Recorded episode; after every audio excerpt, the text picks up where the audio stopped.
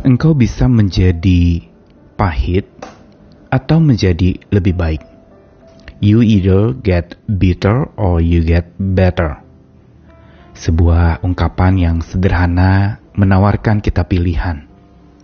Menjadi pahit atau menjadi lebih baik. Bitter or better.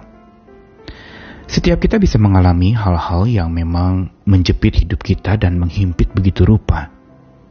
Dan pilihan ada di tangan kita. Kita mau jadikan masalah rumit itu membuat hidup kita menjadi penuh kepahitan, atau menumbuhkan akar pahit di dalam hidup kita, atau mau menjadikan itu sebagai cara untuk kita menjadi pribadi yang lebih baik, menjadi a better person dan pilihan itu ditawarkan kepada kita tinggal bersedia atau tidakkah kita memilih yang menurut kita lebih baik. Karena itu, hari ini kita mau bersama-sama menyadari satu hal, bahwa tidak ada satupun yang terjadi dalam hidup kita, termasuk masalah-masalah rumit yang secara kebetulan. Semua terjadi, pasti ada maksud Tuhan di baliknya. Semua yang rumit, memang bisa menghimpit, bisa menjepit iman kita sampai rasanya kita sudah tidak dapat bergerak lagi.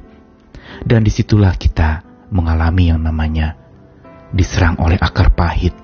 Ada kepahitan yang membuat hidup ini menjadi nelangsa, menjadi begitu berat untuk dilalui, dan kita bisa menyerah kalah. Namun apakah berhenti sampai di situ? Jalan keluarnya sebenarnya ada di hati kita, yang tentu saja sudah diliputi dan dipenuhi oleh iman kepada Tuhan dan dari Tuhan. Keyakinan inilah yang membuat masalah yang menyebabkan akar pahit atau bitter itu justru membuat kita menjadi lebih baik, menjadi better. Akar pahit bukan tidak mungkin berbuahkan buah yang manis. Saya Nikolas Kurniawan kembali menemani di dalam Sabda Tuhan hari ini dari dua ayat. Pertama di dalam Rut pasal 1 ayat 20, saat ketika seorang ibu bernama Naomi yang diserang masalah bertubi-tubi duka cita dan perkabungan yang melanda hidupnya, sehingga dia merasa hancur-hancuran dan dia merasa betapa kepahitan melanda.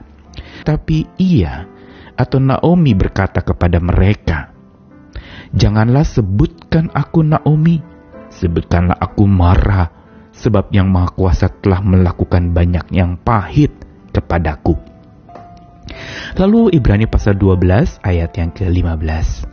Jagalah supaya jangan ada seorang pun menjauhkan diri dari kasih karunia Allah, agar jangan tumbuh akar yang pahit yang menimbulkan kerusuhan dan yang mencemarkan banyak orang. Ayat yang dibacakan di dalam kitab Rut tadi adalah kisah tentang perempuan-perempuan yang mengalami kepahitan dalam hidupnya.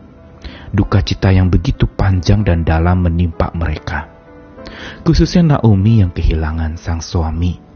Diikuti 10 tahun kemudian kehilangan dua anak laki-lakinya. Dan dia bersama Ruth, mantunya itu, berjuang mengalami masa-masa pahit dalam hidupnya. Dan saat masalah yang menghimpit hidup Naomi, ada keluhan yang diungkapkan lahir dari sebuah kejujuran. Dia mengatakan jangan panggil aku lagi Naomi, yang artinya kesenangan. Tetapi sebutkanlah aku Mara, yang berarti pahit. Sebab Tuhan telah melakukan banyak yang pahit kepadaku. Ungkapan jujur dan lumrah sekali saat ketika kita dihadang oleh masalah yang menjepit dan menghimpit hidup kita sampai akar pahit tumbuh begitu kuat di dalam hidup dan jiwa kita.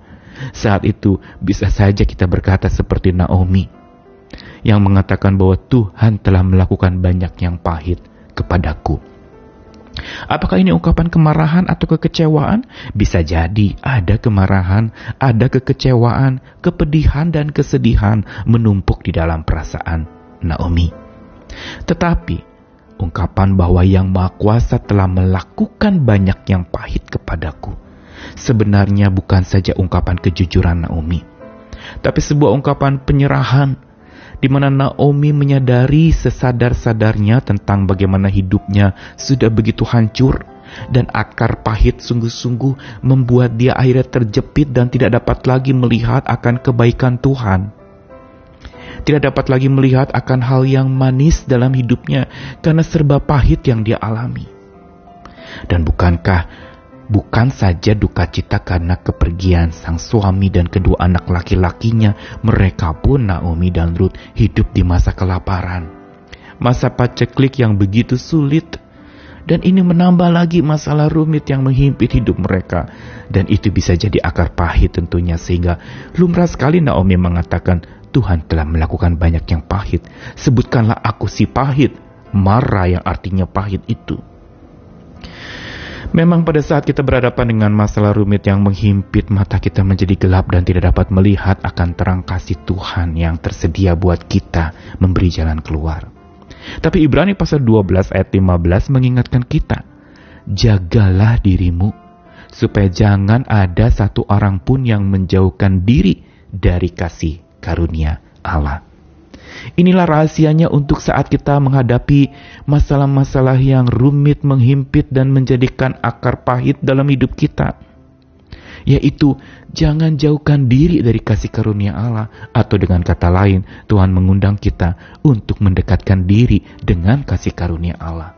Karena dari situlah akar pahit yang kita alami itu tidak jadi bertumbuh menjadi pahit, tapi justru itu akan menumbuhkan sesuatu yang manis. Karena akar pahit hanya menimbulkan kerusuhan di dalam jiwa, kekacauan, dan mencemarkan jiwa juga banyak orang karena ada kepahitan. Orang yang mengalami kepahitan bisa saja dia berkata-kata pahit buat orang lain dan melukai orang lain karena hatinya terluka. Tetapi ketika dia dekat, tidak jauh dari kasih karunia Allah, maka hatinya diubahkan menjadi hati yang rela dan hati yang ikhlas ini yang menerima akan akar pahit itu menjadi media untuk akar pahit itu ditanam dalam-dalam di hati yang rela. Dan ketika akar pahit itu tertanam di hati yang rela, maka akan tertuailah bukan kerusuhan atau kekacauan, bukan kecemaran atau hidup yang berantakan dan amburadul, tetapi akan tertuai buah manis yang tersedia berupa iman yang mendewasa di dalam jiwa kita. Dan inilah sebenarnya pelajaran iman buat setiap kita di dalam belajar menerima. Kita juga perlu menerima ada masa-masa pahit dalam hidup kita. Ada akar pahit yang mungkin masih ada di hati kita yang penuh dengan luka. Datanglah kepada Tuhan, minta Tuhan ubahkan hatiku Tuhan. Jadi hati yang rela, hati yang ikhlas, memahami dan menerima akar pahit itu, menerima kepahitan hidup itu karena bersama dengan Tuhan yang memberikan kerelaan dan kasih karunia-Nya tercurah atas hidup kita, di situlah akar pahit akan berbuah manis. Akan tertuai buah manis, yaitu iman yang makin dewasa, pengharapan yang makin jelas kepada Tuhan, dan kasih yang terus akan tersebar luas pada saat di mana justru masalah datang membuas dan mau melahap hidup kita. Mari kita belajar Naomi akhirnya bisa berubah oleh karena kasih karunia Tuhan menjamah hidupnya, mengubahkannya. Dan catatan dalam Ibrani tadi mengingatkan rahasia untuk supaya akar pahit berbuah manis adalah bangunlah hubungan dengan sang sumber kasih karunia Allah yang maha manis itu, yang menyediakan yang manis setelah yang pahit, yang menyediakan jalan keluar setelah kita menghadapi jalan buntu, yang menyediakan kemenangan setelah kita mengalami kekalahan, dan menyediakan kekuatan setelah kita mengalami kelemahan dan kekurangan hidup kita. Mari kita belajar lagi, terus beriman lagi, berjuang lagi, menerima lagi akan kepahitan dalam hidup kita, agar yang manis itu terus dihasilkan, dipanenkan untuk hidup kita dan nama Tuhan makin dimuliakan justru lewat akar pahit yang ada dalam jiwa kita. Mari tanamkanlah itu di hati yang rela dan hati yang rela yang dari Tuhan itulah akan membuat kita bisa menuai buah yang manis, iman yang makin dewasa. Tuhan mengasihi kita, jangan pernah menyerah kalah pada keadaan, kuasailah itu bersama dengan Tuhan yang Maha Kuasa. Amin.